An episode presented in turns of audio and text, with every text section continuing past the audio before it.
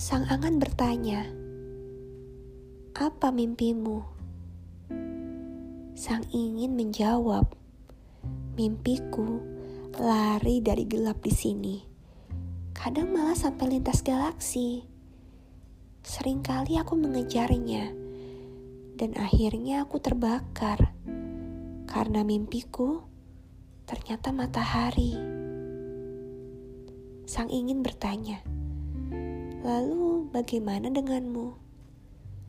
Sang angan menjawab, Mimpiku adalah riuh suara, rupa-rupa ambisi, hentakan puja-puji. Aku ingin dunia dan seisinya.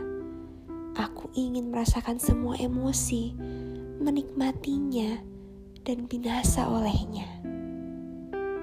Mereka berdua terdiam sambil berbisik bersama. Lalu, pada mimpi yang mana kita bisa bertegur sapa? Sayangnya tak pernah bisa. Ingin dan angan adalah dua yang seringnya bertolak belakang. Sedangkan aku adalah jiwa yang terlalu payah untuk sekedar menentukan pilihan.